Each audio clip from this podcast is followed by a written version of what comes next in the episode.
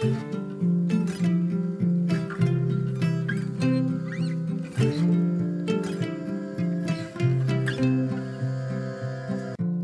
och välkommen till For Health med Anna Sparre.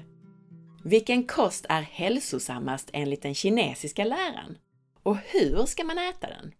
Vilken sorts mat är stärkande för matsmältningen enligt kinesisk medicin och vilken kost ska man äta om man har magproblem som IBS? Du lär dig om de fem smakerna, deras effekter och länken till de fem elementen. Och vad säger det egentligen om din kropp om du har ett sug efter till exempel sur eller salt mat? Bör man äta tillagade eller råa grönsaker, raw food? Och vad kan man mer tänka på vid tillagning? Vilken effekt kan man få av olika livsmedel? Och hur ser man på de örtpreparat vi nu i väst anser vara bra för oss? Konkreta tips på örter och livsmedel mot specifika sjukdomar och infektioner såsom urinvägsinfektion, inflammation, öroninflammation och så vidare. Ska vi fasta eller inte? Ska vi dricka till maten eller inte? Och vad säger kinesisk kostlära om trender som sellerijuice? Hur stödjer vi våra olika organ? I det här avsnittet blir det många konkreta tips och du lär dig också känna igen vanliga tecken på dig själv när det gäller din hälsa enligt traditionell kinesisk medicin. Har du mer yin eller yang till exempel?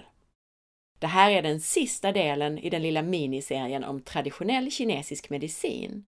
Det går bra att lyssna enbart på det här avsnittet, men vill man verkligen förstå kinesisk medicin på djupet så rekommenderar jag att man lyssnar på alla tre delar och då börjar med första delarna i avsnitt 305 och 306.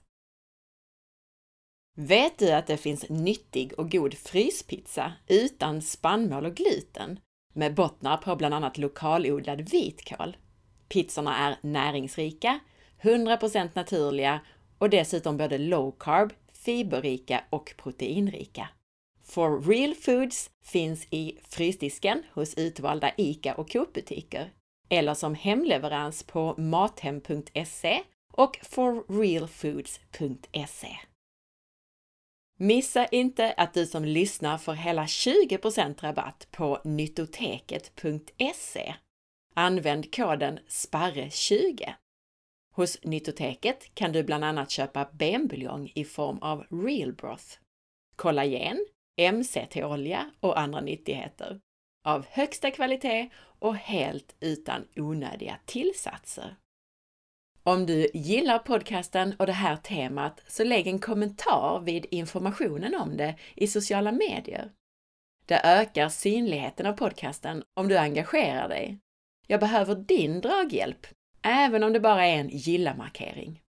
Ofta är ni många tusen som lyssnar på avsnitten och jag behöver ert engagemang för att avsnitten ska bli synliga om ni vill att jag fortsätter producera gratis content. Så om mina inlägg fladdrar förbi i flödet så blir jag så himla tacksam om du trycker på gilla. Tack! Jag finns på facebook.com forhealth.se och på Instagram som asparre på forhealth.se böcker hittar du mina e-böcker. På forhealth.se kan du även gå min distanskurs om du vill få grunderna kring kost, hälsa och viktnormalisering. Och så kan du boka mig som föreläsare, både online och på plats.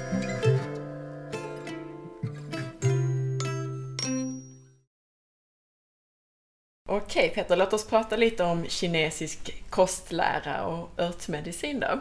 Mm. Det är ju mycket fokus på mjälten. Det är det vi summerar vid mjälten som mycket mer än, än, den västerländska mjälten, precis som vi har varit inne på, att det inkluderar då matsmältningen. Mm.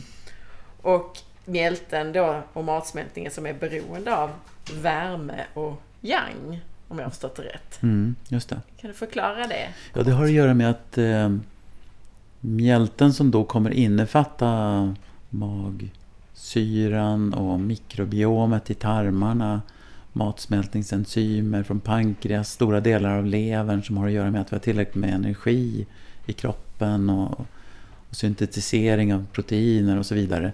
Så allt det där kallas mjälten kinesiskt sett. Och, men kineserna säger bara att Mjältens huvudfunktion det är yun, hua, transport och omvandling.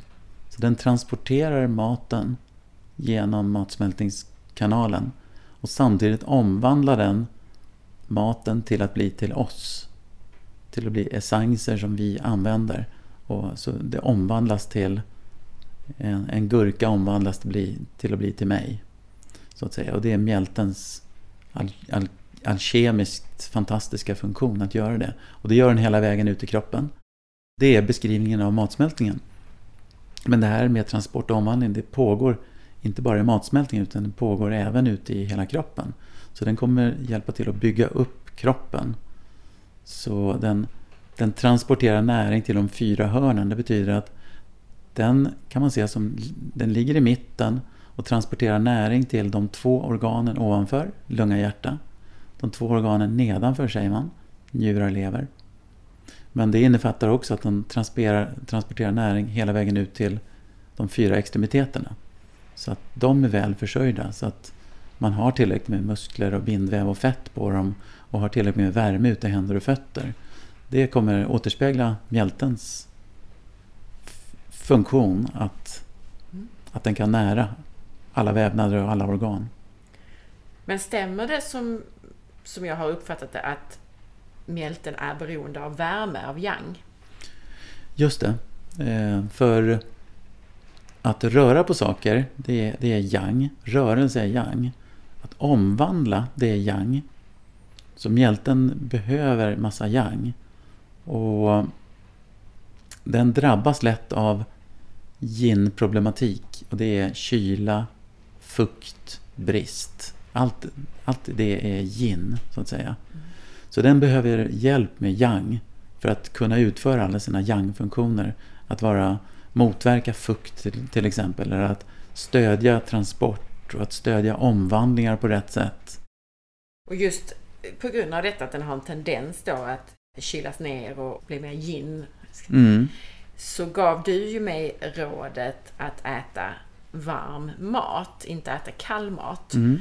Bör vi alla äta varm mat? Ja, just det. Så därför kommer, du, kommer man se att varm mat, värme är yang. Och utsätter man maten för värme då, och det som kommer ner då enligt kinesisk logik det, det är mer eh, eh, yang i maten. Också en mer nedbruten mat, speciellt om den har värmts i vatten. Så, så kommer det ner eh, mer förfinade essenser. Och eh, utsätter man något för värme så, så kommer mjälten få den här värmen också och mm. använda det som yang. Och det så innebär vi hjälper att vi kommer... matsmältningen genom att ge den varm mat? Precis. Mm. Och då, kommer, då kan man säga så här att vi ser det i alla kulturer i, runt om i världen att man försöker värma. Så att säga. Mm. Man, man värmer maten. Och, och, det gör man gärna till barn också. Bröstmjölken i sig den är ju lagom varm och nedbruten när den kommer ut. Men sen efter det så vill man ju koka och, och så till, till små barn. Och det är för att de är så svaga. Så vi kommer se att det återspeglas i, i alla kulturer att man har kommit på med eh, erfarenhet, av erfarenhet att det här är det bästa sättet att hjälpa kroppen att få varm mat. I vår kultur så är det ju väldigt populärt med raw food, alltså råkost. Mm. Men enligt kinesisk medicin så kanske det inte är då optimalt för många att äta raw food. Nej. Nej. Och det är just på grund av det här, eller? Just det. Mm. Men sen så kan man ju se att många som börjar med raw food faktiskt blir kurerade från sjukdomar. Och, och många mår mycket bättre och så. Så då måste man ju fråga sig, vad är det som har hänt? Om man nu tycker att uppvärmd mat är bättre, vad är det de har gått ifrån för, för mat? Och det kan ju vara lite olika bakgrund. Att någon har ätit relativt dålig kvalitet på mat i stort med falukorv och, och spaghetti på vitt mjöl och, och sådär till att börja äta rå, råkost och få en bra typ av bra kvalitet på mat och så. Men, eh, men det kan vara olika bakgrund för olika människor. Men risken är i varje fall överhängande att om man bara äter rå, raw food att mjälten kan bli nedkyld och vi kan börja bli kallare. Och när mjälten blir nedkyld kan vi börja bli svagare och då kan man bli tröttare, smalare, blekare och, och få problem som har att göra med brist och kyla också. Så många av dem som mår bättre, de går från makaroner och falukorv till en näringstät råkost. Men då kanske de skulle må ännu bättre om de då tog den här bättre maten och inte åt den alldeles kall. Just det, så kan, så kan det vara. Och många som jag har träffat som äter rå så, och de visar tecken också på att eh, de har blivit nedkylda till exempel i sin mjälte. Då när jag bett dem bara värma upp maten, samma mat, så är det många som svarar väldigt bra. Något som är ganska vanligt till exempel, det är eh, IBS-patienter. Som helt enkelt handlar om att mjälten många gånger är försvagad och nedkyld så det blir stagnationer med rumlande mage, det är kramp, ont i magen och det, ja, det växlar mellan diarré och förstoppning och sådana problem. Och så ber de bara värma upp maten så kan det lösa sig helt och hållet för, för faktiskt ganska många patienter också. Mm. Men eh, vi, vi får tänka, vi måste ju hela tiden tillbaka till individen vet bäst så att säga och måste vara redo att förändra sig. Om personen känner att de verkligen mår bättre på raw food, då kan man hänga kvar med, vid det. Tills man känner att det är någonting som inte riktigt stämmer. Då ska man vara beredd på att tänka annorlunda. Välja annan typ av mat eller också värma maten. Men en fördel är, är det här med det här tänkandet. Därför att många kineser blir chockade när de kommer till väst. Speciellt förr, när man inte kände till vad västerlänningar gör. När de kommer till väst och de ser oss äta råa grönsaker och rå frukt. Och speciellt om man ger det till barnen så kunde de bara... Eh, det var en personal, en kinesisk tjej som började jobba på dagen som sa det, ni får inte göra så här mot barnen. Ge dem råa frukter. Ja, men det är vitaminer och sånt det spelar ingen roll. Ni får inte göra det mot barnen. Det är inte bra. Hon kunde inte förklara varför. Det var bara inte bra tyckte hon. Men det handlar ju om att barn har jättesvag matsmältning, eh, jättesvag mjälte så det gäller verkligen att skydda den. Men sen när man blir starkare i sin mjälte, då kan man fråga sig, vad är nästa steg för någon som är stark? Det är att man faktiskt kan utsätta den för rå mat och utsätta den för utmaningar för att stressas till att bli starkare. Precis som allt i livet, att man kommer över en gräns när man är tillräckligt stark, då kan man ju tolerera mer och göra mjälten starkare tack vare faktiskt i viss mån raw food och så också. Men en sak som är viktigt i det här är ju att vi i väst tänker väldigt mycket på att oh, raw food är så bra därför att vi behåller fler näringsämnen och så vidare om vi inte värmer sönder maten.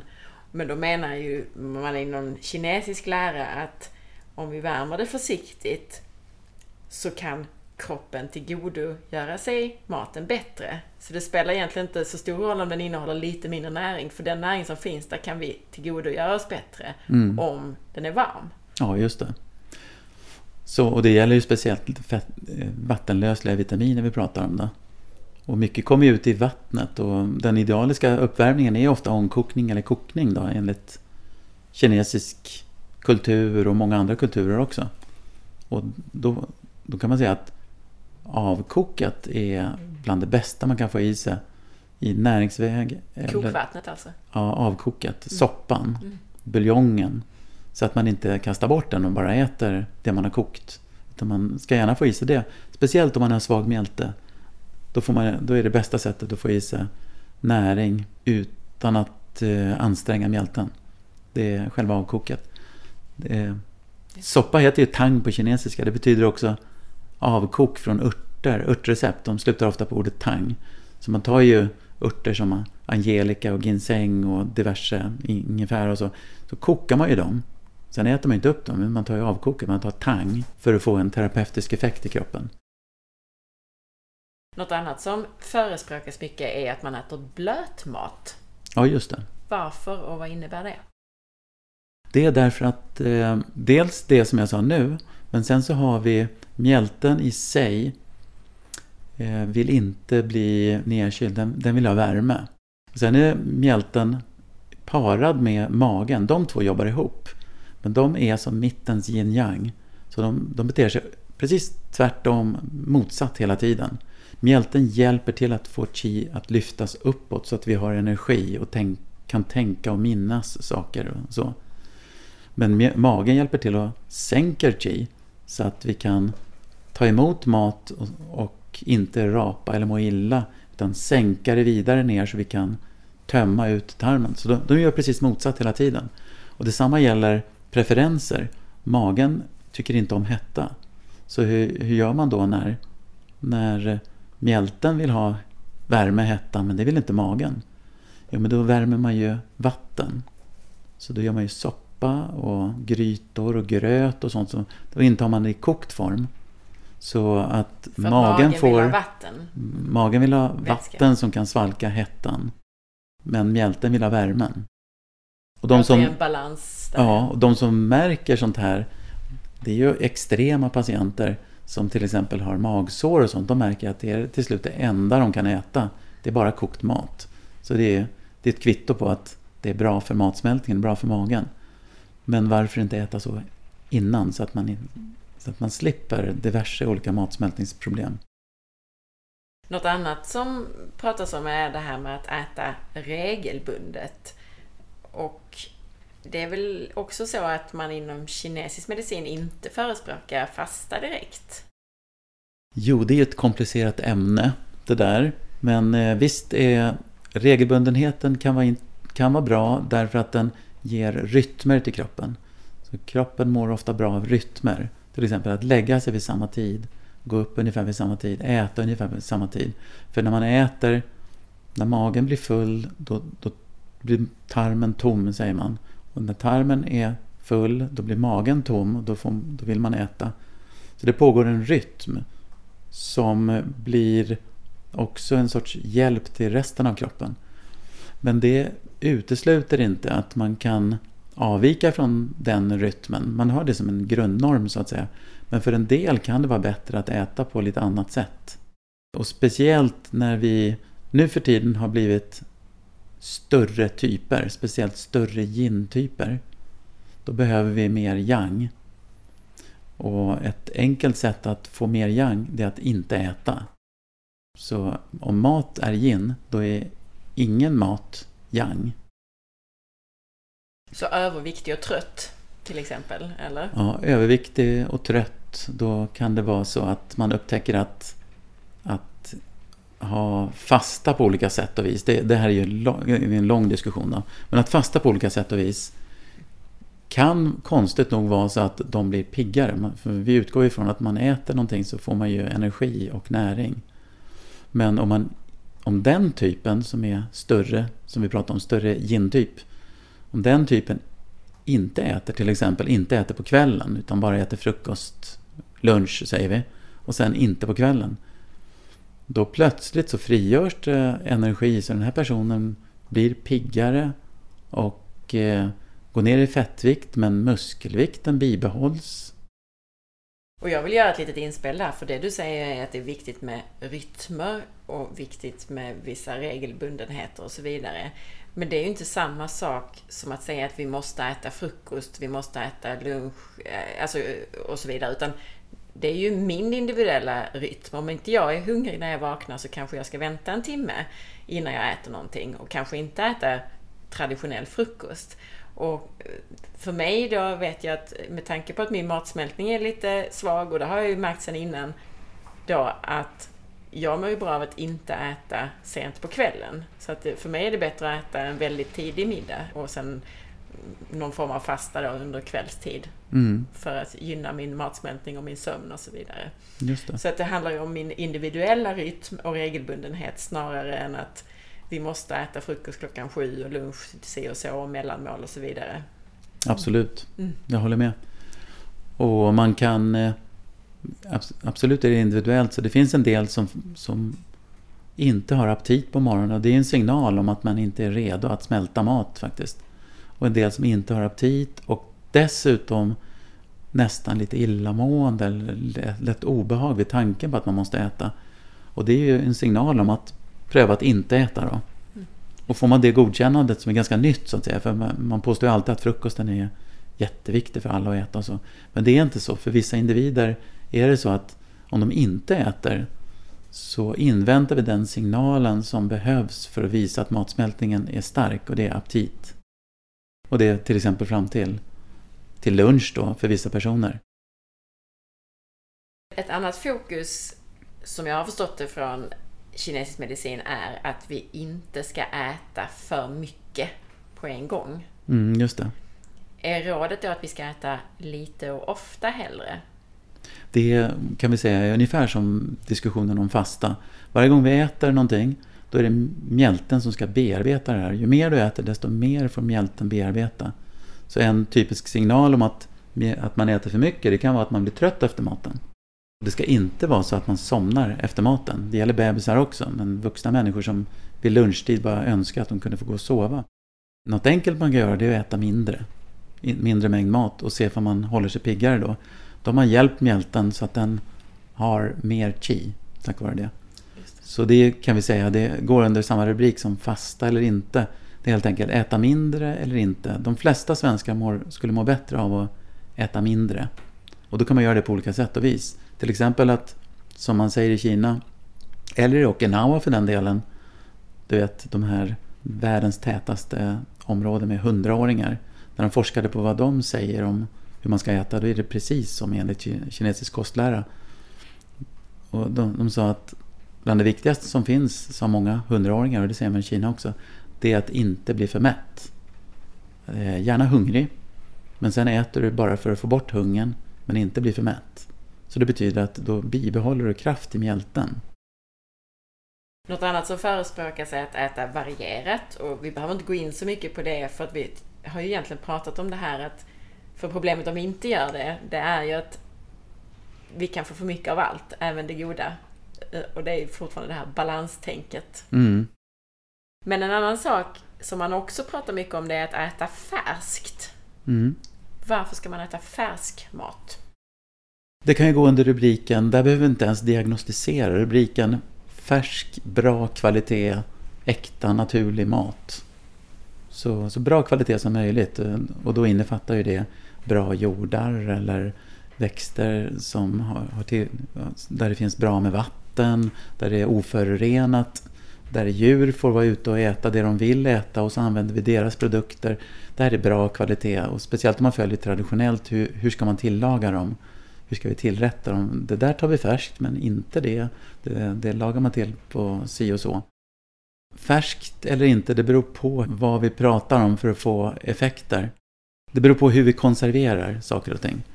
Så om eh, något ligger för, för länge så kan det ju tappa sin chi, det tappar sin kvalitet.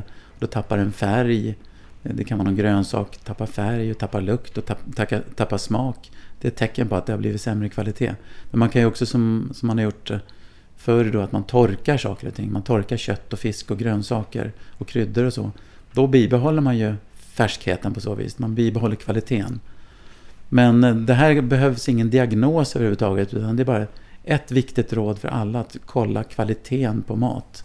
Och äkta mat, att det är mat som man vet, vet vad det är för någonting som mormor skulle känna igen vad det är för mat. Och inte alla e-ämnen och så, utan biff är biff och peppar är peppar och salladsblad är ett salladsblad.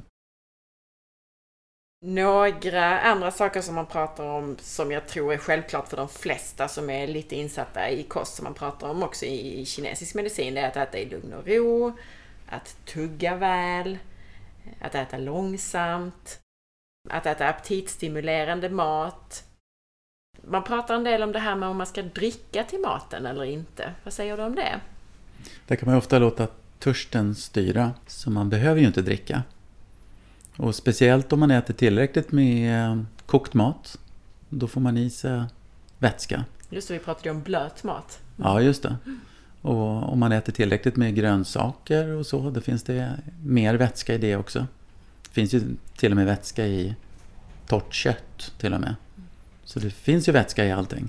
Det finns ju en risk att man dricker för mycket också enligt kinesisk medicin. Så vatten släcker ju eld.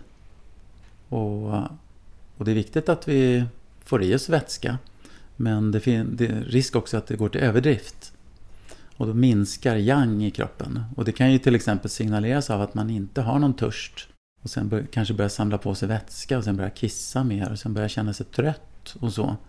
Och risken är att man dricker för mycket då. Så det finns en del som jag ber att de ska minska sitt drickande.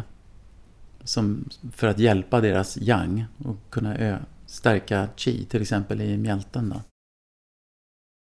När jag lyssnar på min kropp så känner jag ju precis det och har gjort ganska länge att när jag äter grönsaksrikt och jag, ofta, jag tycker om att, att laga maten försiktigt, ångkoka eller laga försiktigt i ugn eller panna. Gärna med lock då så att det blir ganska blött. Att då vill jag ju absolut inte ha ännu mer vätska till maten. Däremot när jag vaknar på morgonen, jag äter oftast inte direkt på morgonen utan då vill jag gärna ha någonting att dricka, en kopp te eller ett glas vatten eller så. Så att det här med att lyssna på kroppen istället för att lära sig att ja, man måste dricka minst två liter vatten om dagen. Det kan ju bli lite fel, för det beror ju helt på vad man äter för mat. Äter man torr mat, ja men då kanske man behöver det om man lever på mackor och så vidare. Men om man äter baserat på en massa grönsaker som består till 80-90% av vatten, då är det ju en helt annan sak. Ja, precis.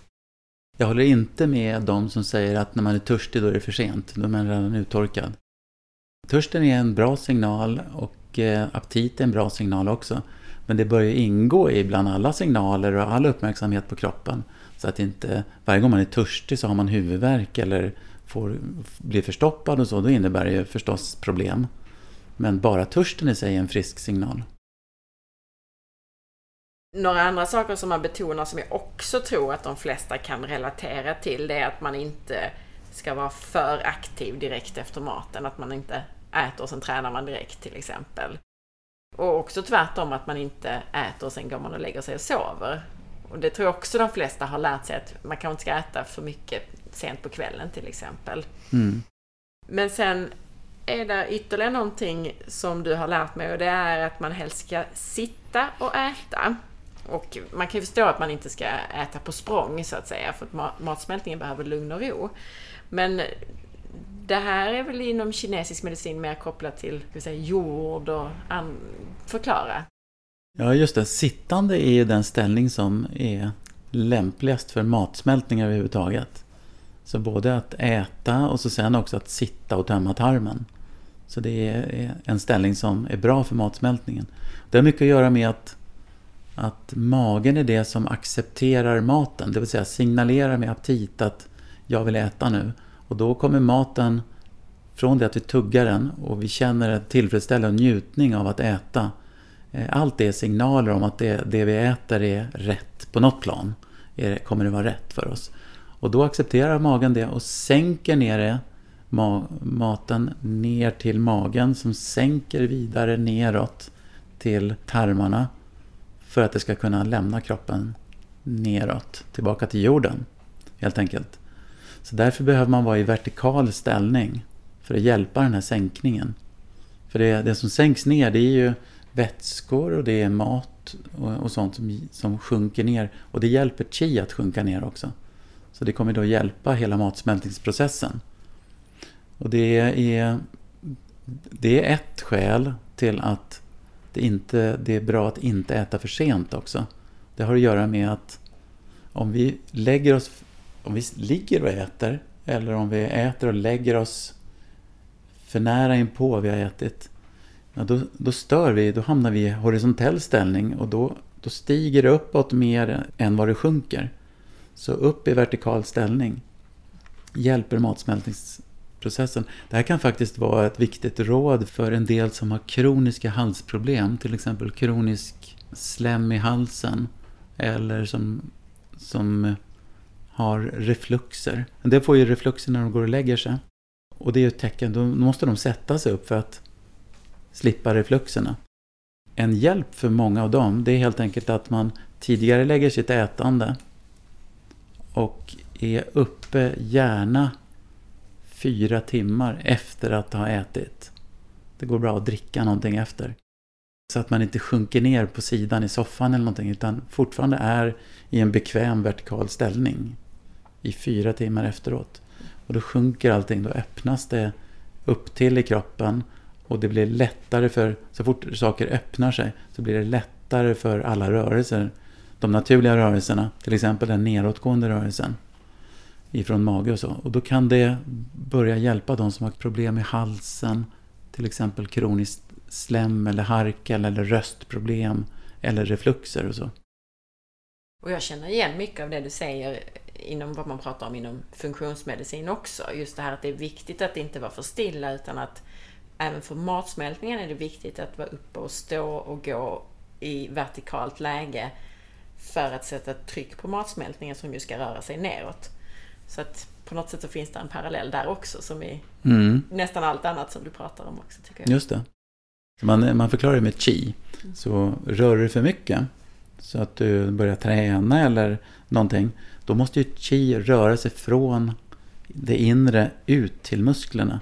Och då fungerar inte chi i matsmältningen längre. Så detsamma gäller om vi råkar ut för en infektion. Då, en influensa eller, eller covid-infektion eller någonting. Så kan det vara så att man ligger i frossa och känner sig dålig. Aptiten är inte där. Då ska man lyssna på det. Så då, då äter man inte. För chi är upptagen på ytan med, i en kamp med en, en patogen. Det finns ju en gräns där också men eh, aptit är viktigt att lyssna på. Mm, ja, men det är bra att du betonar just det här. Det är viktigt att lyssna på vår kropp helt enkelt. Kroppen har signaler av en anledning. Vi ska bli törstiga när vi behöver vatten och vi ska bli sugna på salt och vi ska bli hungriga och så vidare. Och, och lyssna på de signalerna. Just det. Mm. Så det gäller att bekräfta patientens signaler. Att, att man börjar våga lita på sina, sina signaler. Och det ska bli renodlade signaler som jag är trött, behöver gå och lägga mig. Jag är törstig, nu ska jag dricka. Jag är trött, eh, nu är jag hungrig, nu äter jag. Och då kan man till slut börja få lite subtilare signaler om vad behöver jag äta. Det där vill jag inte äta längre. Det där äter jag. Men någon påstår att det är onyttigt. Nej, men jag känner att det där bör nog börja äta och så. Ja men precis, om vi tittar på viktiga råvaror så kan man ju ofta lita på kroppens signaler. Det är en annan sak med processade livsmedel där man har tillsatt en massa smakförhöjare och liknande som är där för att stimulera vår aptit. Precis. Men om vi tittar på riktiga råvaror så kan man ju ofta våga lita på sin kropp och vad den är sugen på. Just det. Annars får vi tolka, får man tolka vad är det man är ute efter om man vill äta kexchoklad varje dag till exempel.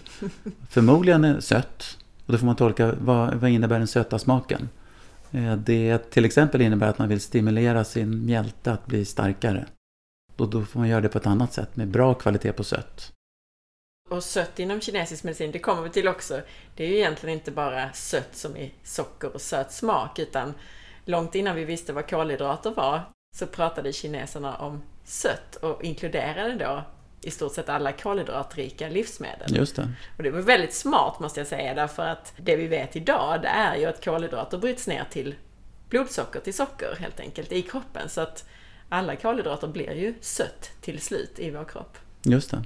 Så ris och vete och morot och potatis och jams och honung och vitt socker när man fick, fick tag på det i Kina. Allt det klassificeras som sött bland de fem smakerna. Och det, det innebär att det kommer ha någon speciell effekt i kroppen. Då. Och innan vi kommer till det så tänkte jag också lite grann med det här med örtmedicin. Därför att återigen, det som händer i västvärlden det är att oh, vi hör att någonting är bra och sen kör vi på stenhårt med det. Och många anser ju då att det är bra att äta bitterörter dagligen för lever och matsmältning. Då till exempel så kan man äta maskrosrot och liknande, eller någon sån här bitterörtsextrakt. Så tänker man att det ska gynna min matsmältning och min lever. Men inom kinesisk medicin så har jag förstått att man ser lite annorlunda på detta. Kan du förklara det?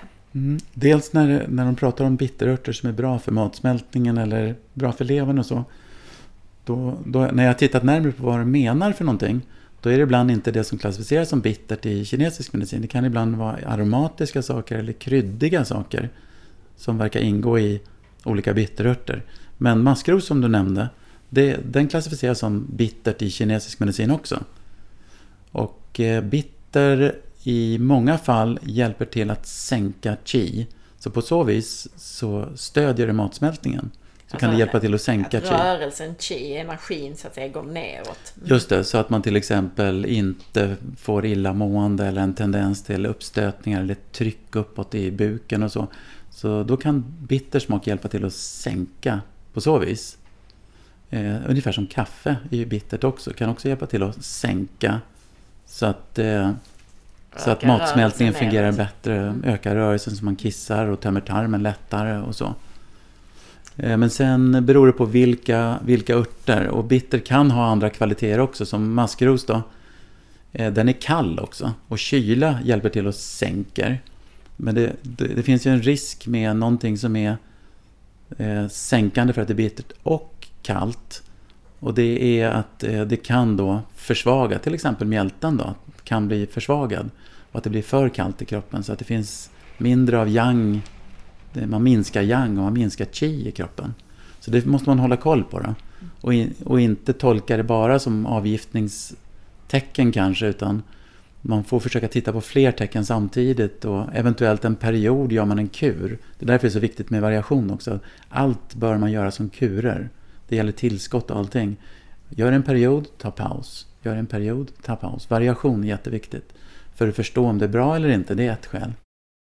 Och du har skrivit en bok också som vi ska nämna sen i slutet. Men där beskriver du också den här indelningen av kost och örter i tre klasser. Och vad som kan användas hela tiden som är mer klassiska livsmedel. Och vad som används mer kortvarigt som är mer kraftfulla örter. Och då kan man väl säga, gissar jag då, många av de här bitterörterna som sånt som bör användas kortvarigt. Just det. Mm. Så maskros skulle ju inte ingå i den, den högsta klassen av mat och matvaror, födoämnen. Därför att den är för extrem, den är kall och bitter. Så den kan användas med fördel då om det är någon som har till exempel en inflammation som karaktäriseras av hetta, fukt som öroninflammation eller, eller bröstkörtelinflammation eller eh, urinvägsinfektion kan, kan faktiskt påverkas av maskros då på, på rätt sätt. Men sen bör man ju sluta med det. Eh, för att då övergå till mat som man kan äta mycket av under lång tid utan att det ger problem. Det anses vara den bästa medicinen enligt den kinesiska medicinen. Men sen så kommer man ner i de, de här lägre graderna av mediciner. Då, då, ökar det man kallar för giftighet. På kinesiska heter det do. Så då klassificerar de, den här är do, den här är mycket do. Den här är mycket giftig. Eller potatis står det bodo, inte giftig till exempel. Ja, men då det kan man äta mycket utan större problem oftast. Men den här, de som har stor giftighet betyder också stor potential. Så starkare och kraftfullare örter har stor potential men man ska vara försiktig med dem och använda dem kortvarigt. Ja, just det. Och det betyder ju stor potential behöver man inte använda på någon som är frisk. Utan stor potential använder man på någon som är extrem på något sätt. Som har en extrem smärta eller som har en extrem sjukdom, en inflammation eller stark huvudvärk eller någonting. Kan man behöva gå in och påverka effektivt med de här lite mer giftiga örterna. Våra mediciner i västländsk medicin skulle ju klassificeras många som giftiga örter. Stor potential, skarpa, men då ska man vara försiktig med dem, använda dem rätt och kort tid. Någonting annat som förändrar maten och, och, hur den verkar enligt kinesisk medicin är ju när vi förändrar matens egenskaper, till exempel genom att vi värmer den eller vi groddar saker. Kan du ge några exempel på hur det kan förändra vad den har för effekt på oss, kosten? Ja, ett eh, aktuellt exempel.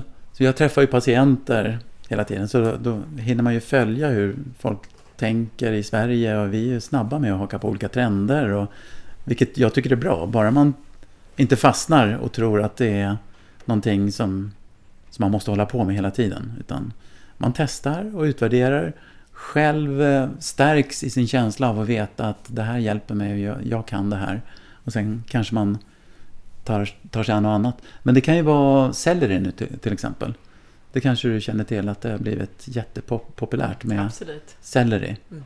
Och jag tror att det är han den här eh, amerikanska som har fått andlig information om att precis, selleri är jätteviktigt. Medium, eh, Just det. Mm. Och så har han då en biokemisk förklaring till det. Och kineserna har sin syn på selleri. Och selleri är ett, en, ett födoämne som är kallt, bittert och den är grön. Och färgen signalerar också någonting förutom smaken. Grön färg tenderar till att påverka levern. Så den är jättebra livsmedel till att lugna lever yang. Det kan till exempel vara någon som är, vi säger som är lite rödaktig i ansiktet och som har högt blodtryck. Och då gör man sellerisoppa. Då tar man några skälkar och så kokar man dem och dricker, har lite salt. När jag säger salt, då är det alltid bra kvalitet på salt. Alltså havssalt eller bergssalt. Och lite salt och så dricker man den soppan två gånger om dagen. En liten soppa till maten. Och så kan det bli mer eller mindre snabbt så märker man att, att den här rödheten i, an, i ansiktet, det vill säga hettan som stiger uppåt, lugnar sig. Och eh, så, om man tar blodtryck varje dag så kan det vara så efter en månad så märker man att gradvis har gått ner blodtrycket också. Det beror ofta på lever-yang, högre blodtryck. Men eh, räcker inte det, ja men då, då kan man äta den rå för det, den, det blir ännu mer kylande för mjälten att äta den rå. Vi hoppas att mjälten klarar det bara. Och räcker inte det, då, då kan man, har man kommit på nu att man kan göra juice på den och så dricker man sellerijuice, då får det ännu mer kylande effekt och ännu bättre effekt på att sänka blodtrycket om man dricker det varje dag. Då. Så det är ett exempel på hur olika grader kan göra olika skillnader. Och då finns det ju naturligtvis en fara om man kyler ner någonting, har, har, har ju alla förstått nu vid det här laget, och det är att man vill inte att kalla saker ska kylas ner ännu mer. Mjälten ska inte kylas ner för mycket. Så man måste ju hålla koll på att mjälten mår bra under hela tiden. Och det är många som klarar det. Mm. Många har tillräckligt stark mjälte så att säga. Och det som händer ofta om vi då kyler ner för mycket och har en för svag mjälte, det är den här stagnationen så att säga. Ja, och till exempel att man får lösare avföring, man får svullen buk och det kan göra ont i buken, man blir tröttare. Ju exempel. Tröttare är då att man har mindre chi helt enkelt. Ett annat begrepp som är relevant när vi pratar mat är det här som heter whey. Mm. Berätta vad det är.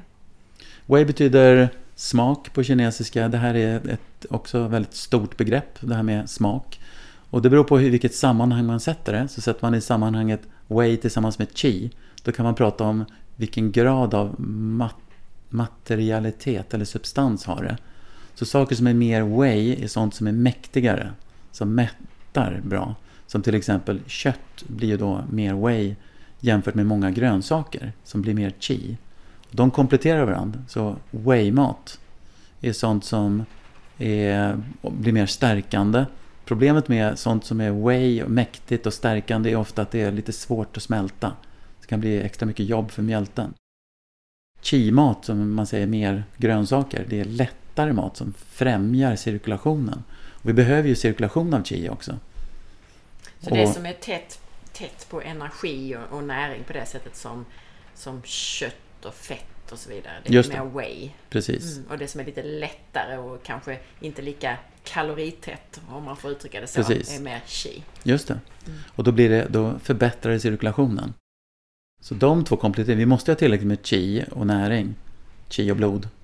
Men eh, de måste ju vara i cirkulation också. Så där håller man koll på att det sker på rätt sätt för vilka patienter. Så återigen balans. Ja, Mm. ska vi ha den här balansen? Hur ska vi tänka när vi kombinerar vår mat? Man kan ställa upp det i olika tallriksmodeller. Ja, jag tänkte mer vad vi har haft utbyte kring så har det varit att till exempel då att kylande mat, om man nu vill äta kallt, så kan man kombinera det med vissa kryddor och så för att det inte ska bli för kallt. Mm, just det. Lite sådana kombinationer tänkte jag. Ja, Men vi kan ta tallrik också precis. såklart. Så, och, och det här vill jag också poängtera att sådana här saker som kineserna har förklarat, det ser vi i alla kulturer. Som vi tar till exempel, vi, vi vill ha skinka, julskinka nu då. Men vad ska vara med julskinkan? Jo, något kryddigt. Senap eh, tycker alla om. Och i och med att det smakar bra, kombinationen är bra, då betyder det ofta att det, det kommer vara främjande på något sätt. Och då har vi skinkan som är väldigt, som är way, mäktig och närande, stärkande. Det kan bli problem att bara äta den så att säga för matsmältningen.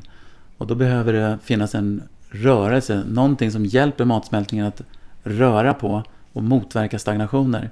Och det är varma kryddor. Som senap är, har en het kryddighet i sig också. Så den ger hetta och den ger kryddighet ökar kirörelse. Så båda två kommer bana väg för att transporten fungerar bättre. Så det är ett exempel. Mm. Ett annat klassiskt exempel som uppstår i många kulturer är att man vill kombinera Många är ute efter salt. Och, och salt enligt kinesisk medicin hjälp, stödjer njurarna. Och, och då pratar vi om havssalt eller bergsalt. För det innehåller mycket mineraler och så. Vilket man inte visste tidigt förstås, men man bara förstod att det hjälper till och stödjer grundfysiken i kroppen, stärker njurarna. Men sen har man kommit på att peppar, eller från början i Kina så var det Sichuanpeppar, kombinerar bra med salt. De är bra partners, de kombinerar, de passar perfekt ihop. Och sen när peppar kom till Kina då, då blev det salt och peppar. Och det dyker upp i alla kulturer, de här kombinationerna. Eh, som jag har sett i varje fall. Och det intressanta är att salt sänker chi, så det stödjer matsmältningen på så vis också. Men peppar är, har en kryddighet som motverkar stagnationer. Så att sjunka och motverka stagnationer, det är en perfekt kombination för att hjälpa matsmältningen. Så det här blir ju bra att ha på all mat och då känner vi att det smakar gott också. Det intressanta är ju också att man ser i modern forskning att med så mycket mineraler som finns i salt och så med kryddor som peppar eller ingefära, gurkmeja och så vidare då, då blir upptaget mycket effektivare av näring och mineraler också har man ju sett. Så den kombinationen innebär ju att transport och omvandling blir effektivare enligt kinesisk medicin. Det vill säga inget, störa, inget stört i matsmältningen och bättre absorption av näring. Apropå det här med kombination på det här sättet så har ju jag också fått lära mig då att med tanke på då att jag, min matsmältning, min mjälte är känslig för att bli för nedkyld och stagnerad. Att om jag då vill äta de här lite mer kylande livsmedlen eller kall mat som jag Kylande livsmedel kan ju till exempel vara, det har vi inte kommit in på än eh, i den här diskussionen, den här intervjun, men det kan ju till exempel vara då gurka. Och är den då dessutom kall, som den ofta är, gurkan, så är den extra kylande. Både den kall i sig och, och ett kylande livsmedel.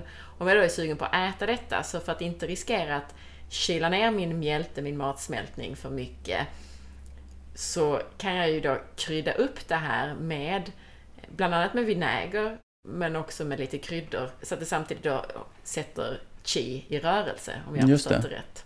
Så rågrönsaker som en del sallader kan man ju inte värma upp, som eh, bladsallad till exempel. Det blir blaskigt och konstigt att värma. Så, men man kan ju vara riktigt sugen på det. Och så kanske med rå paprika och tomat och gurka. Så hackar man det. För att skydda mjälten så kan ett sätt är att man gör dressing. Och dressingen kan då innehålla peppar eller chili eller vitlök och sånt värmer upp och motverkar stagnationer som uppkommer av kall mat av kalla grönsaker. Och att vinägen i sig är också ett bra sätt att skydda matsmältningen från stagnationer. Och apropå där att jag sa att gurka har en kall eller kylande effekt. Kan vi ge några exempel på livsmedel och deras effekter? Bara några korta exempel. Ja, gurka hjälper ju till att kyla ner. Om jag tar ett patientexempel så en en kvinna som hade eksem som var röd och blev väldigt känslig mot allt möjligt. Att komma i kontakt med allt möjligt flammade eksem upp. Och det var så tydligt att det var hetta. Det röda utslag är ofta hetta, men jag märkte på flera plan att det var hetta. Så då bad jag henne äta kylande saker som gurka, tofu, soja, sojabönsost, tofu, för det, det är ju närande också samtidigt, men det svalkar. Och eh, havsalger som också är, har en salt effekt, men alla de är kylande. Så hon gjorde soppa på dem. Och det, vi kunde ändra vartefter. Och det kom ut obehaglig svart svett. Kom ut. Och eh, sakta men säkert började det här eksemet försvinna. Och hon fortsatt, fick fortsätta, jag kommer inte ihåg hur lång tid, men det kändes bra. Hon började tycka om den där och ville ha den och så länge hon hade eksemet. Men sen försvann eksemet så småningom tack vare den här kylande soppan. Så hon, hon kokade och gjorde soppa på det. Om då gurka och havsmat är exempel på lite kallare mat. Vad är lite varmare mat? Utan att vi värmer det så att säga. Det finns ju varm effekt av vissa Ja, precis. Livsmedel. Temperatureffekter. Mm. Så även om man kokar all mat så går det in i kroppen och har olika effekter. Som, eh, som päron till exempel. man kokar päron och gör pärongröt så går det, då går det lättare in i kroppen tack vare värmen. Men sen så går det upp till lungan och svalkar lungan och när lungans gin så att man till exempel inte blir hes lika lätt. Så oavsett om vi värmer eller inte så finns det sen temperatureffekter i allting. Så känt kunde ju vara till exempel att man tar lamm och gör en lammsoppa för att hjälpa till att värma njurarna om man har en kall rygg, kall och känslig rygg. Så vill man stärka njurarnas värme. Och så lammsoppa kan göra det. Eller om vi, gurkmeja är ju populärt nu för tiden. Och gurkmeja anses ju också vara en varm, bitter, kryddig ört. Och det innebär att den går in och eh, hjälper till att få bort kyla och fuktstagnationer runt om i kroppen. Och det kan ju vara inflammationer i leder och sånt. Och den går speciellt i mjälten och levern. Du, och, och de två är viktiga för senor och muskler. Det är de två som är viktigaste för senor och muskler runt om i kroppen om man har värk och så. så den kan man ju göra avkok på. Det har man eller i maten. I, i västerländsk forskning att gurkmeja är antiinflammatorisk och särskilt då effektiv mot värk i leder och så vidare. Just det. Men då gäller det att urskilja att det inte är en person som har hetta och torka och ginbrist. För då måste man kombinera den med annat som skyddar gin i kroppen. Eller att man, in, man får hitta något annat än, än den. Då. Men den är ju ett typiskt exempel. Ett annat populärt exempel är ju, är ju ingefära. Färsk ingefära är ju jättepopulärt nu och den har flera olika effekter. Men en effekt är att man kan dricka den som man tar några skivor, gör avkok, avkok på den, kokar den i fem minuter och sen dricker som te för att hjälpa till att få bort kyla infektioner. När man börjar bli täppt och det börjar rinna i näsan och man känner sig frusen och huttrig. I det läget så passar färsk ingefära. Du kom in här på de fem smakerna. Berätta om de fem smakerna och deras effekter. Det ehm, finns då söt smak, och vilket är väldigt centralt för den tillhör jordelementet. Och jordelementet är ju det som är centralt för att nära resten av, av organen. Så det kommer innebära att den smak som till, tillhör jordelementet är någonting man kan använda väldigt mycket och det gör man ju i kulturer. Så det är ju, I Kina då är det ju ris eller hirs eller jams eller tar och rot som har varit sedan gammalt söta saker, det vill säga kolhydratmat så att säga. För oss har det kan, kan ju ha varit korn och havre och på sen, ja, senast, några, senare hundra åren så är potatis har varit viktigt. Och så söt mat kan man äta väldigt mycket av utan att det stör. Och det handlar om att söt mat, mat tillför chi till oss. Men den söta smaken har andra effekter också. Speciellt den kolhydratmat som tillskrivs den söta smaken. De harmoniserar chi också. Och dessutom kan hjälpa till att befukta. Så det innebär att stärker du chi, det vill säga det som blir till yang, och du stärker vätskor, det som blir till yin, då har du potential för att balansera yin och yang. Och om du stärker chi, då ska ju det vara i fri cirkulation också. Och sött kan dessutom göra det. Då kan man förstå varför sött är så ypperligt och varför det finns så stor, stort sug efter sött när det kan göra så mycket för vår hälsa. Risken är att det blir för mycket av sött och då, då blir effekterna ibland tvärtom. Det stärker inte chi, det försvagar mjältan och försvagar chi. Nu vet jag att en del lyssnare kanske slår bakut här för att det är många som äter någon form av lågkolhydratkost eller i alla fall en paleokost och har uteslutit då i alla fall spannmål och kanske också ris och potatis ur sin kost. Först och främst så vill jag ju då betona att det här kan ju vara, det kan ju vara att man äter rotfrukter till exempel. Mm. Men det är också det du sa, som att om man under hela livet hittills har ätit väldigt mycket mjölmat, mycket pasta, bröd och så vidare. Ja, men då har man ju fått för mycket av den här söta maten. Och då är det ju naturligt att vi mår bra av att gå på en lågkolhydratkost en period. Men sen kanske vi måste balansera upp det här igen och få lite mer av den här maten. Det behöver ju inte betyda att vi äter just spannmål, utan det kan betyda att vi äter rotfrukter till exempel, någon potatis, lite ris och mm. så vidare. Precis som du säger, det är jätteviktigt att, Därför att ensidighet kommer leda till över, överbelastning på något sätt. Kommer leda till giftiga effekter. Där ensidigheten som du beskriver, på det så läggs då godis och läsk och annat. Där det blir en överbelastning av den söta smaken under för lång tid. Och då blir till slut den perfekta söta smaken blir ingen smak för en del. Ingen söt smak. Att undvika det blir optimalt för att stärka mjälten och så. Under en period, som du säger, så, så småningom kommer man då kanske ha förändrats i sitt energitillstånd och i sin kropp också. Man kan ha gått ner 40 kilo till exempel. Till eh, det som borde vara normalt för en. Och i det läget plötsligt kan det dyka upp symptom igen. Av trötthet och stelhet i kroppen och sånt. Och det kan vara signaler om att nu behöver man stärka sin chi, reglera sin chi på ett annat sätt.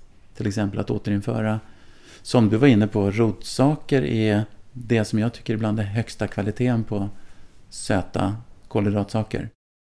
Sen är det många som svarar bra på hirs, till exempel havre, ris, durra och så också. Det var den söta smaken som vi kan översätta till alla kolhydrater i stort sett. Mm, just det. Sen salt smak är ju viktig. Vi har ju också ett saltsug som matindustrin också naturligtvis utnyttjar. Det sånt som vi direkt känner att det här kan vi vill veta mer av så att säga. Den salta smaken är, hjälper till att när njurarna hjälper till att sänka chi och svalkar kroppen. Så det motverkar hetta i kroppen. I stora drag. Den, det, är en det är komplicerad smak det där men den är intressant. Så det är grundläggande. Så jag i mitt fall då som har mycket uppåtgående chi. Jag mm borde må bra av att få i mig en del salt. Ja, just det. Och där kan, kan man ofta gå på saltsug om man har bra kvalitet på salt. Det vill säga inte det raffinerade saltet. För då kan man luras till att behöva konsumera mer. Kroppen hoppas på att få i sig det som salt ska ge oss. Det vill säga en massa näring och så. Men så får man bara i två, få i sig två, min, två mineraler istället. Och då kommer ett saltsug om och om igen. Då luras man att äta för mycket. Men eh, det, skulle vara, det är bra, då kan du bara lyssna på signalen. Tycker du om salt behöver man ju inte vara rädd för att inta salt menar jag. För då är det stor chans att man faktiskt, om man får tillräckliga mängder salt, inte slår på stresshormoner för mycket. Som ett exempel. Söt mat, salt mat. Och vad är nästa smak? Sur smak. Den är lite komplicerad men den eh, tenderar, om man är sugen på surt, tenderar till att visa att man behöver reglera sin lever. Och surt, det beror på vilka livsmedel vi pratar om. Vi nämnde blåbär sist till exempel. Den beskrivs också som att den är sur. Och då kan en sur smak många gånger hjälpa till att astringera, att hålla tillbaka saker och ting. Så att vi inte förlorar saker. Och blåbär kan hjälpa till att astringera, förutom essenser, njurarnas essens, så kan det hjälpa till att astringera lös avföring till exempel.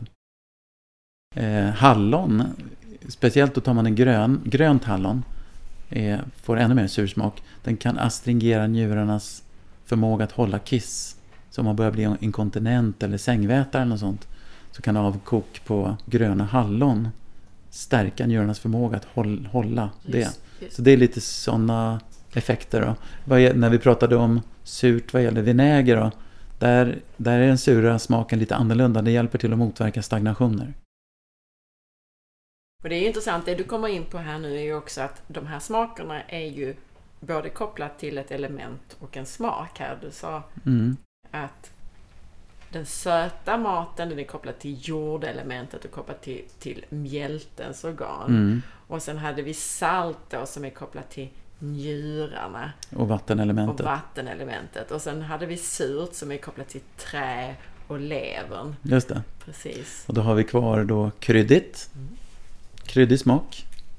Det som vi känner, allt som vi känner som är kryddigt rör på chi, cirkulär chi. Lungan eh, påverkas av kryddighet. Så den hjälps av kryddighet. Till exempel att äta någon kryddig löksoppa kan ibland hjälpa en förkylning. Eller så kan det vara så att man äter någonting kryddigt som vitlök kan hjälpa vid hosta till exempel. Speciellt om det är en kall hosta eftersom vitlök är het i sig. Lungan regerar över chi och den vill se till att chi kommer ut överallt. Den tar hjälp av kryddig smak så de har samma chi-rörelse så att säga. Så sista smaken då? Det är bittert. Och den är... Den, den bittra går till eldelementet och hjärtat. Bland annat för att bittersmak ofta är sånt som svalkar. Det mesta vi kommer på utom kaffe stämmer med det. Sånt som angdiver eller, eller ja, maskros eller öl och sånt svalkar som smakar bittert. Men inte kaffe. Men däremot så, hettans rörelse är ofta att röra sig uppåt. Så det hjälper till att sänka ner, så det hjälper till att lugna hetta i hjärtat ofta. Men eh, kaffe är varmt, men den sänker chi. Så den kan ibland ta in värme in i hjärtat. Så det är därför en del reagerar med nervositet eller svårt att sova och sånt. Man får alltså hjärteffekter på den. Och som du lärde mig med det här med bittert då är att ja, det sänker chi så att vi, jag då som har chi som går mer uppåt, jag kan få det att gå lite mer neråt. Men många av de här bittra sakerna som inkluderar bitterörter men också många vegetabilier som sallad och så vidare som är lite bittrare i smaken. Att om jag äter för mycket eller tar sådana här örter var dag så kan det bli för kylande och för stagnerande för matsmältningen. Mm, just det. Det är precis som att inta för mycket gurkmeja och ingefära kan bli för hett i kroppen. Balans. kan bli för uttorkande. Så det gäller att hitta balansen. Lyssnar man efter ordentligt så kan man nog känna det också. Utöver de här fem grundsmakerna så har du också lärt mig om att använda sånt som är aromatiskt. Som, sånt som mm. doftar gott och mycket har du sagt då. Som spiskummin och citrusskal och ingefära för att det i sig kan vara reglerande. Betyder det att det är bra för många att få i sig de här aromatiska kryddorna? Mm. Det, är, det doftar gott, det smakar gott, så det är en signal om att det kan hjälpa till att reglera chi. Men det kan också hjälpa till att få bort fukt. De är ofta varma, de örterna. Så de hjälper ofta till att väcka mjälten. Så, så mjälten, mjältens funktion kan bli bättre. Men man får se upp för de är ofta extra uttorkande. De, de får bort fukt. Men som kaffe till exempel hjälper till att få bort fukt, som tung huvudvärk och sånt. För kaffe är också aromatiskt förutom bittert. Just det, det luktar också gott. Ja, just det. Mm. Precis. Så, men risken är att man kan bli uttorkad av dem. Mm. Så att man får ginbrist, blodbrist och, och liksom blir... Så personer som är för smala, torra, torrt hår, torra naglar, rynkiga och så. De får ju se upp med att de inte får torka ut sin ginblod. Alltid en baksida av myntet så att säga. Ja. Men, men för många så är de här aromatiska kryddorna ändå bra för att de är reglerande och varma och, och matsmältningen vill ju ha lite varmt. Just det. Mm. Så ofta kan man ju gå på att man tar, man tar sånt tillsammans med mat. Och då blir, då blir det stöd för matsmältningen. Och det smakar gott och då tar man upp näringen på ett bättre sätt. Och till exempel spiskummin tillsammans med lamm. När jag fick det i Kina på ett sån här sanatorium där de gör qigong och sånt och de bjöd på det. Det tycker jag var helt fantastiskt. Det var fråga vad, vad var det här för kombination? Ja, det var den aromatiska spiskummin och så var det lamm. Den kombinationen, det gör att Spiskummen stödjer lamm från att eh, inte bli för mäktigt och svårt att bryta, brytas ner. Och nu kommer vi in mycket på det här med rörelse av chi och hur vi kan påverka det med mat. Och vi har kommit in lite grann på det här med kyla, att kyla kan sänka chi så att det blir nedåtgående och också bittra. Mm. Bitter mat kan mm. göra det. det. Men men om vi då gör för mycket av detta så blir det för kylande och så. Så att när det gäller min rörelse av chi då, som är uppåt, som är ganska vanlig i alla fall i vårt stressade samhälle. Mm. Vad kan vi tänka på då med maten för att påverka rörelsen av chi? Det, det idealiska är ju att man äter i ett lugnt tillstånd. Så det, det bör ju vara ett tillfälle när man är lugn för att stödja matsmältningen. För att, så, att vara lugn hjälper till att sänka chi i sig. Så det är ett första stöd för matsmältningen, för magens rörelse. Men sen så kan det ju vara så att man kan äta sånt som sänker chi i sig. Eller som, som svalkar. Så det, det kan ju vara att man äter mer av grönsaker helt enkelt. Det är ungefär som man har sagt i Kina att om det är mycket konflikter och bråk, ät mer grönsaker. För det svalkar känslorna. Så det, det svalkar överhuvudtaget så det kan hjälpa till att lugna ner. Idag Mm. i världens klimat så borde vi äta mer grönsaker och lugna, Ja, lugna ner oss, ja känner jag. precis. Sen så kan det ju bara vara att man njuter i sig. Så att man äter god mat i sig tenderar till att, att eh, få chi att röra sig in mot centrum. Det är en yin- yin-rörelse och neråt också.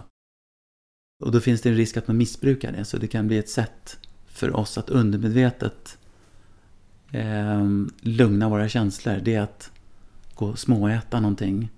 Och speciellt söta saker och sött och salt och sånt tenderar till att ge en sorts njutning som hjälper till att sänka chi tillfälligt. Men blir det för mycket av det så kan ju det leda till problem som att eh, mjälten blir överbelastad och vi börjar bli överviktiga och diverse stagnationer som följer övervikt. Det var ju en hel del det här nu som vi har pratat om, om kosten och kopplingen till det som vi kallar för mjälten och matsmältningen. Men kan vi kortfattat också summera de olika organen och hur man kan stärka dem?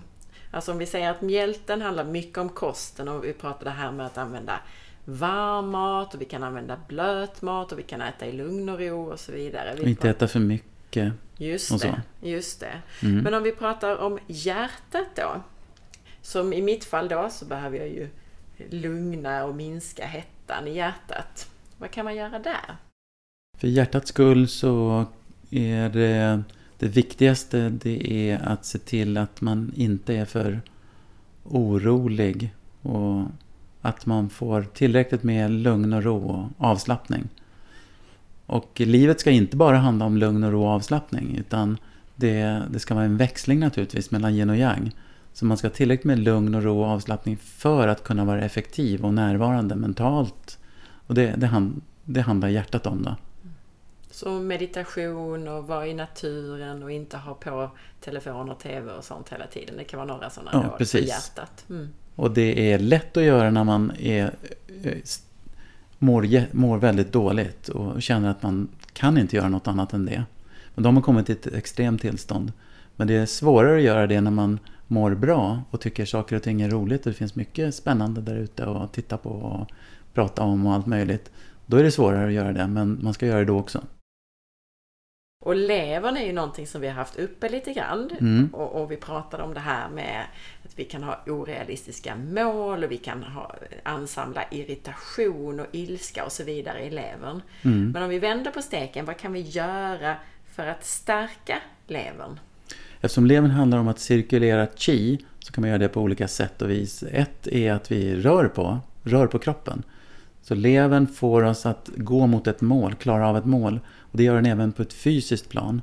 Så där gäller det att vi stretchar tillräckligt, rör oss tillräckligt. Och det kan vara allt ifrån yoga och vanlig träning eller muskelträning så att man inte tappar för mycket muskler och så. Till att man helt enkelt bara eh, rör sig ute och fixar en, en trädgård eller eh, rör sig till vardags bara helt enkelt. Så att man utnyttjar hela rörelseomfånget. Det är ett sätt att cirkulera chi, då hjälper man levern. Det motsatta sättet det är att se till att man, att man är tillräckligt avslappnad där också. För avslappning leder till att chi kommer flöda friare. Och då handlar det ofta om att man eh, inte bara är fysiskt avslappnad utan att man är tillräckligt avslappnad mentalt också. Så då kan det ju vara de här sakerna vi har pratat om tidigare, att man får omfokusera på ett sätt så att man till exempel blir tacksam. Om det är mycket problem och det är mycket irritation, men vad finns det som är bra? Vad, vad har jag att vara tacksam över? kan vara en viktig sak. Man måste också se, göra sina mål realistiska. Man måste också veta timing på saker och ting. Så om jag ska uppnå någonting så, så är det inte rätt att kämpa för det i alla lägen. Utan ibland är det, är det rätt att ta en paus och slappna av och tänka på annat. Och sen gå på målet igen. Så att, att göra, att se på vad har man för målsättning och hur realistiska är de målen egentligen. Och helst ska man ju vara, kunna njuta av på vägen dit också. Inte bara ha en målsättning som, som man ska nå fram till. För det kommer leda till frustrationer om man inte når fram till målet. frustrationer då, då uppstår det stagnationer, irritation och, och så. Du nämnde här som tacksam, man kan göra en form av tacksamhetsövningar varje dag. Att man listar upp saker man är tacksam över. Allt från att solen sken idag till att eh, man har en fin familj eller eh, tak över huvudet. Precis. Eller ja, vad som helst egentligen. Mm. Som vänder fokus till ett mer positivt och tacksamt fokus istället för det här irriterade, arga. Och vi har ju också pratat om det här med som vi kan sammanfatta som någon form av medkänsla. Att vi försöker istället för att hysa agg mot världen och personer för att inte allt blir exakt som vi vill och tycker. Att vi försöker jobba med medkänsla. Och där har jag bland annat ett in, om man söker på medkänsla på forhealth.se så har jag skrivit ett inlägg om just detta. Så Ja. där kan man läsa mer om det. Det finns dygder kopplade till de olika elementen. Och den dygden som har med träelementet och levern att göra är medkänsla. Och det handlar om att man, det tecknet för medkänsla det är, det är en människa och siffran två. Det är två människor som möts. Så det gäller att förstå den andra. Den andra är en potentiell vän eller potentiell lärare. Och inte bara en annorlunda typ som inte gör som jag vill. Utan med, med om man gör sig större än sig själv och, och, och lär sig mer, har, öppnar sig för mer kunskap, då rinner ofta mycket ilska bort helt enkelt, irritation bort. Att se saker med nyfikenhet brukar hjälpa. Ja, just det. I Kina så säger man det, det ilska är den, den farligaste känslan, naturligtvis, eftersom det kan leda till våld och förolämpningar, förstörda relationer och sånt. Men det är också farligt för en själv, så det gäller att få bort ilskan från roten. Men ilskan är en fördummande känsla, säger man. Så mitt i affekt av ilska, då, då har man rätt låg förståelse för allt annat än just det man vill då. Och så tvåvägsförhållande, är man, har man ingen förståelse för världen överhuvudtaget, då blir man lättare ilsken. Om man ingen förståelse för något annat så kommer man vara ganska mycket ilsken, det är troligt. Så tvåvägsförhållande är exempel där också. Så då har vi pratat om hur vi kan stärka mjälten, hjärtat och levern. Hur är det med lungorna då? Finns det något särskilt vi kan göra där? Man kan ju vara medveten om sin andning och att man får frisk luft och att man utsätts för eh, utomhusluft, eh, gärna nära skog och vatten, eh, rinnande vatten till exempel. Och att man får dagsljus på huden. Det är någonting som stimulerar lungan också. Och så den sista då, njurarna. Är det något särskilt vi kan tänka på där? Njurarna kopplar ju till vis, visdom överhuvudtaget. Så det är visdomen att föra sitt liv på ett sånt sätt så att man lever länge. Eh, visdom handlar om att man har respekt. Den känsla som kopplar till njurarna är rädsla. Och en, istället för att bli rädd så ska det kunna finnas en respekt för saker och ting. Det är det det handlar om på, låggradigt. Att ha tillräckligt mycket respekt för vad man har fått av sina föräldrar. Respekt för sitt liv. Respekt för sin kropp. Och att ta hand om sin kropp på bästa sätt och vis. Det är bland den högsta dygden man kan göra. Eh, man, man pratar om att man ska vörda sina förfäder och sina föräldrar och ta hand om dem och ha respekt för dem. Men man pratar också om att det bästa sättet du kan göra det, det är att den gåva du har fått, ditt liv och din kropp, ska du vårda. Och, och det handlar mycket om att hjälpa till att nära njurarna. Nu har vi haft mig som exempel eftersom det är ett ganska vanligt exempel det här, den här huvudobalansen att man har lite mycket hetta i hjärtat och lite svagare matsmältning. Men om nu lyssnarna vill veta om man kan se några tecken i sig själv på vilken typ man är och vilka obalanser man kan tänkas ha. Kan vi ge några sådana där vanliga riktlinjer bara? Man delar ju upp i yin och yang. Det är ju en uppdelning. Och sen kan man ju dela upp i fyra typer där man tar två yin-typer och två yang-typer. Mhm. Och sen kan man ju också dela upp mer i nästa siffra som kommer, det är ju fem. Så man tittar på de fem elementen i sig. Men man kan ju börja med att titta på yin, yin och yang i sig. Hur man ser att någon är mer yin eller yang. Då tittar man på man kan säga, energin i utstrålningen hos personen och eh, rörelserna. Så någon som ser slö ut och trött ut och reaktionerna är långsamma eller inga speciella reaktioner, pratar inte mycket, sitter gärna. Och så har vi en mer av yin, där ser vi yin. Motsatsen är ju då någon som är pigg och sprudlande, där är mycket rörelser så att säga. Det kan vara någon som har kropp, mycket kroppsspråk och ansiktsmimik och, och även går, går runt och rör sig och så. Står och, och rör sig. De har ju mer av yang då. Så då, då, ser man en grundläggande skillnad på yin och yang bara i energinivå och utstrålning och personlighet. Och sen kopplar man in det i, i kroppen också. Så om det är en kropp som ser svagare ut och är hängigare och plufsigare är mer yin då. Medan någon som mer lovar kraft, som ser muskulös och spänstig ut, som ger den känslan, det, det är ju mer yang. Om man då är mer yin, vad ska man tänka på då? Finns det några huvudsakliga råd vi kan ge till de lyssnare som känner igen sig i den profilen? Om man är mer yin så bör man söka sig till yang mer. Men det kan vara så att man är så pass försvagad och trött och så, så att man har svårt att göra det. Till exempel när man blir äldre och så. Men då, man bör ändå söka sig till yang, alltså att man inte drar sig undan från världen utan man söker intryck och försöker hitta nya aktiviteter i den mån man orkar och försöka hålla igång och försöka träna. Även om det bara ibland innebär att man tar en kort promenad och sen tillbaka. Så man bör sträva efter att man har tillräckligt med yang i form av aktiviteter och rörelser. Men också då att man stärker sin yang i mat, som vi pratade om med värme till exempel. Eller eh, att man kanske behöver mer av proteiner eller den, den optimala proteinen är ofta animalisk mat som i sig är värmande och, och stärker yang oftast. Då. Det kan vara nötkött och det kan vara kycklingsoppa och det kan vara mer av, av lamm och så.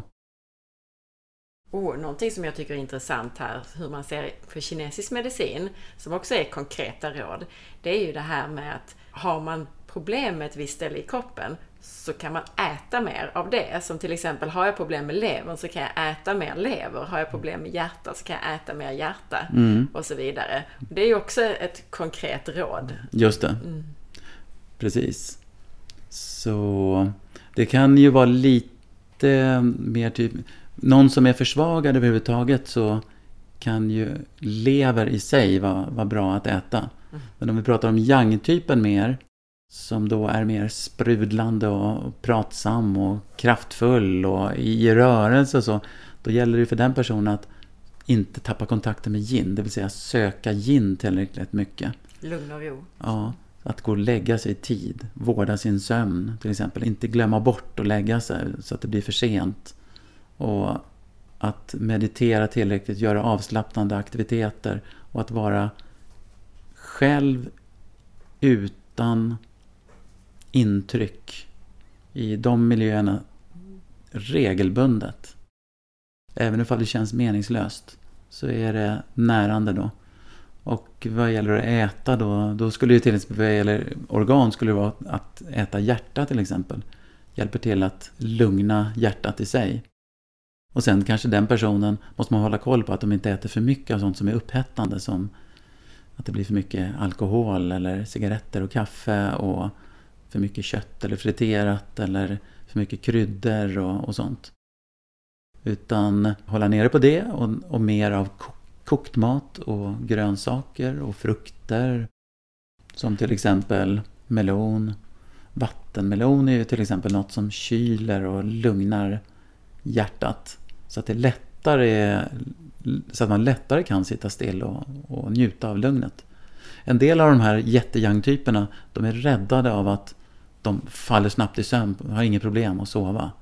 Och på så vis, i och med att de går från stark yang till vardags, till att snabbt falla in i sömn och sova gott. Då växlar det mellan yin och yang på sånt sätt så att livet bibehålls på ett bra sätt också. För sömn är yin och vakenhet är yang. Just det. Det gäller att växla mellan dem på ett bra sätt. Mm. Och apropå nu att vi kom in på lever, att det är ett stärkande livsmedel och så vidare. Så avsnitt 158 handlar bara om lever, alla de fina näringsegenskaperna hos lever. Okej. Okay. Just det, så kan vi komplettera med att kineserna också har upptäckt, jag vet inte vad ni sa i det avsnittet, men de har ju upptäckt att det hjälper till att eh, avgifta, avgifta kroppen och hjälper leverns avgiftningsförmåga. Men traditionellt så säger de också att det hjälper till att reglera qi och stärka leverns blod.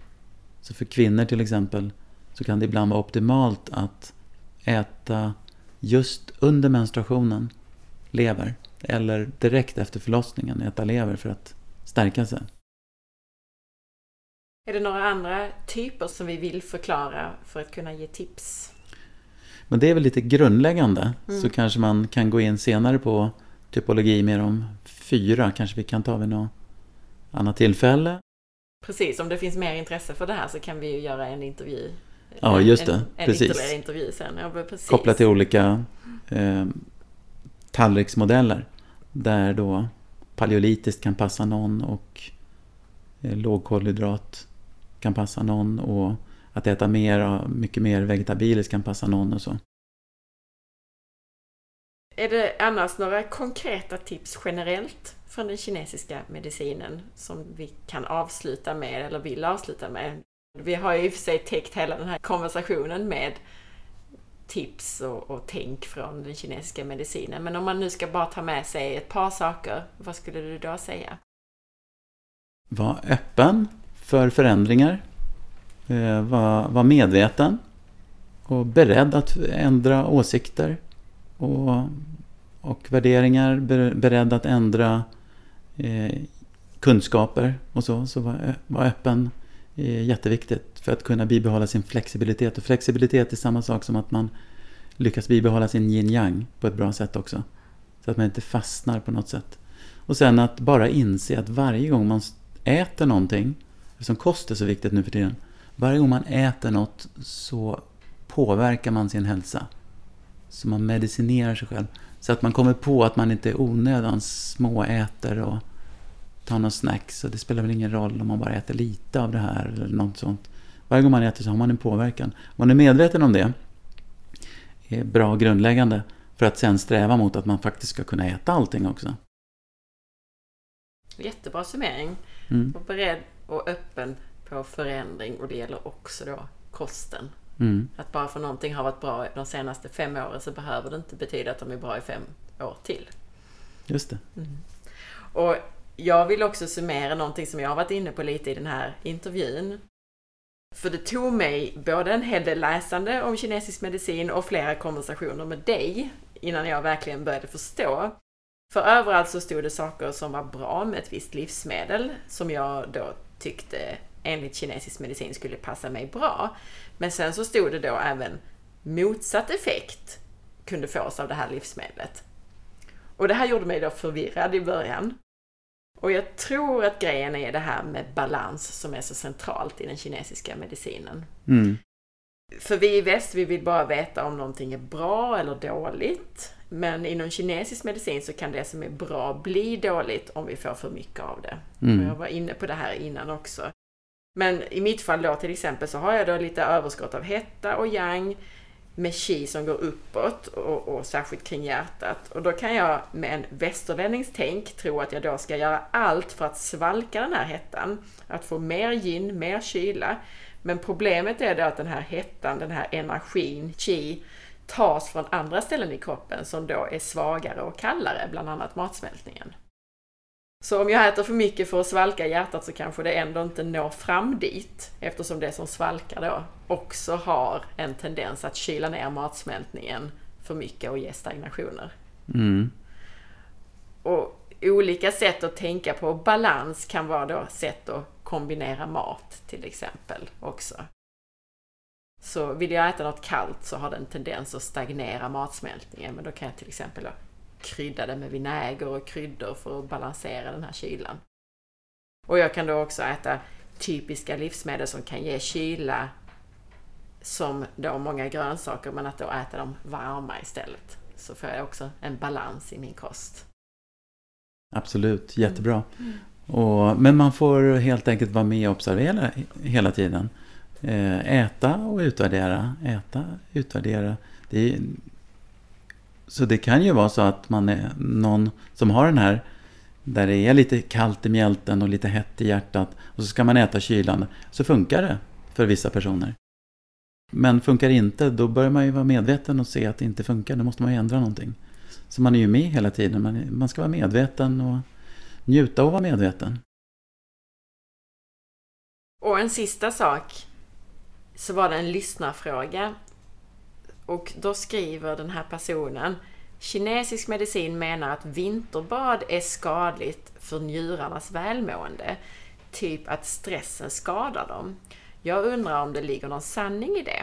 Det är bara en nyfiken fundering, skrev den här lyssnaren. Ja, och där kommer vi fram till balans igen då. Det är, det är frågan om balans. För vissa personer, om njurarna är tillräckligt starka, därför att njurarna tillhör vattenelementet och tenderar till att, att koppla till klimatet kyla. Det vill säga bli extra känslig för kylan när njurarna är svaga. Och när njurarna är svaga, då kan man bli kall också, så tvåvägsförhållande förstås. Men om njurarna är tillräckligt starka, då kan man utsätta sig för kyla och träna dem till att bli mer resistenta. Så vad som händer när vi utsätts för kyla, det är yin, det är att yang mobiliseras. Så yang tas fram för att klara av den här kylan så att den inte tränger in i kroppen. Och gör man det i lagom nivå, så att man ligger på gränsen till vad man klarar, då kan det bli så att yang blir starkare och starkare. Så till och med njurarnas yang kan bli starkare. Men kineserna är väldigt medvetna om att kyla, akta er för kyla, det, det kan skada oss. Och det handlar ju om att de, de har ju levt i ett klimat som vi, där det är kallt och fuktigt och de har inte haft uppvärmda hus och, och så under lång tid. Så de vet vad kylan kan göra, vilka infektioner och ledproblem som kan uppstå av det. Men eh, om man hamnar i en situation där man faktiskt kan bli tillräckligt varm också, man kommer över gränsen till att man är tillräckligt, har tillräckligt med yang, då, då kan det bli en bra träning att vinterbada. Men om man är försvagad så finns det risk att kylan går in och skadar och försvagar njurarna till exempel.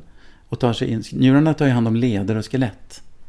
Så då kan lederna plötsligt börja anhopa sig så att man börjar få ont och stela leder, speciellt på vintern och så. Och i det läget så bör man inte vinterbada. Tack för det intressanta svaret också. Innan vi avslutar för idag, om man nu vill veta mer om dig och kinesisk medicin, var hittar man dig och var kan man läsa mer? Jag har ju min mottagning i Sollentuna eh, men jag har ingen egen hemsida, men däremot så jobbar jag som rektor och lärare på Akupunkturakademin.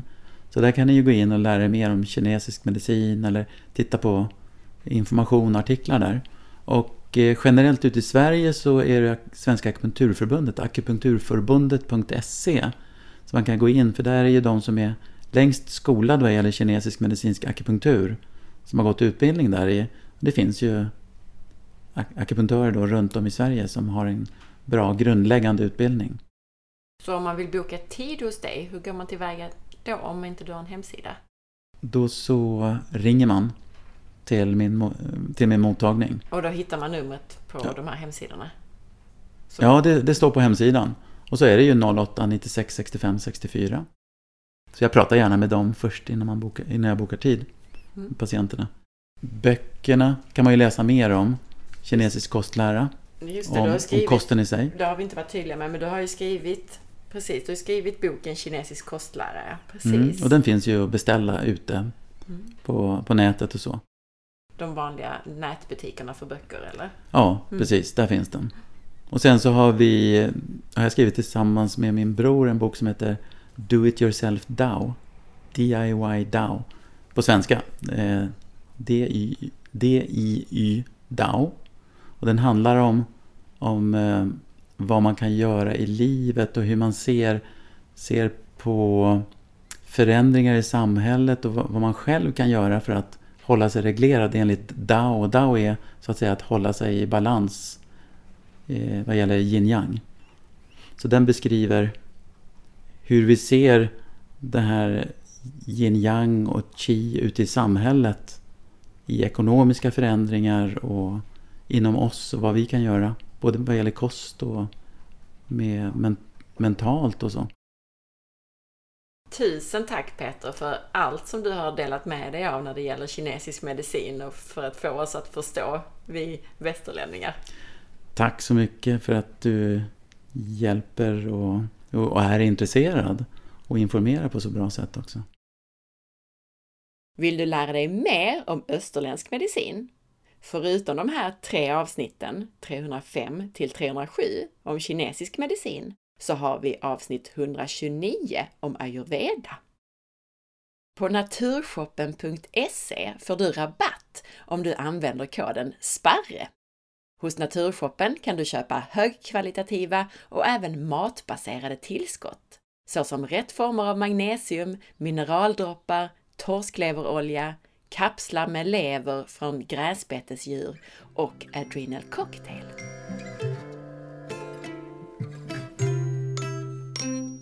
Tack för att du lyssnade! Jag hoppas att du gillade avsnittet. Dela med dig av det så att fler får ta del av den här spännande informationen om hur kroppen fungerar. Är du ny med att lyssna på podcasten? Missa då inte avsnitt 300 som heter Börja här! Ett avsnitt som guidar dig rätt i kost, hälsa och bland alla de över 300 podcastavsnitten. Följ med på facebook.com forhealth.se där du kan hitta avsnittsinformationen till det här avsnittet som du kan dela och där du flera gånger i veckan hittar länkar till nya hälsotips. Följ också mig på Instagram via signaturen asparre och titta in på bloggen på forhealth.se. Ha nu en fantastisk dag så hörs vi snart igen. Hej då!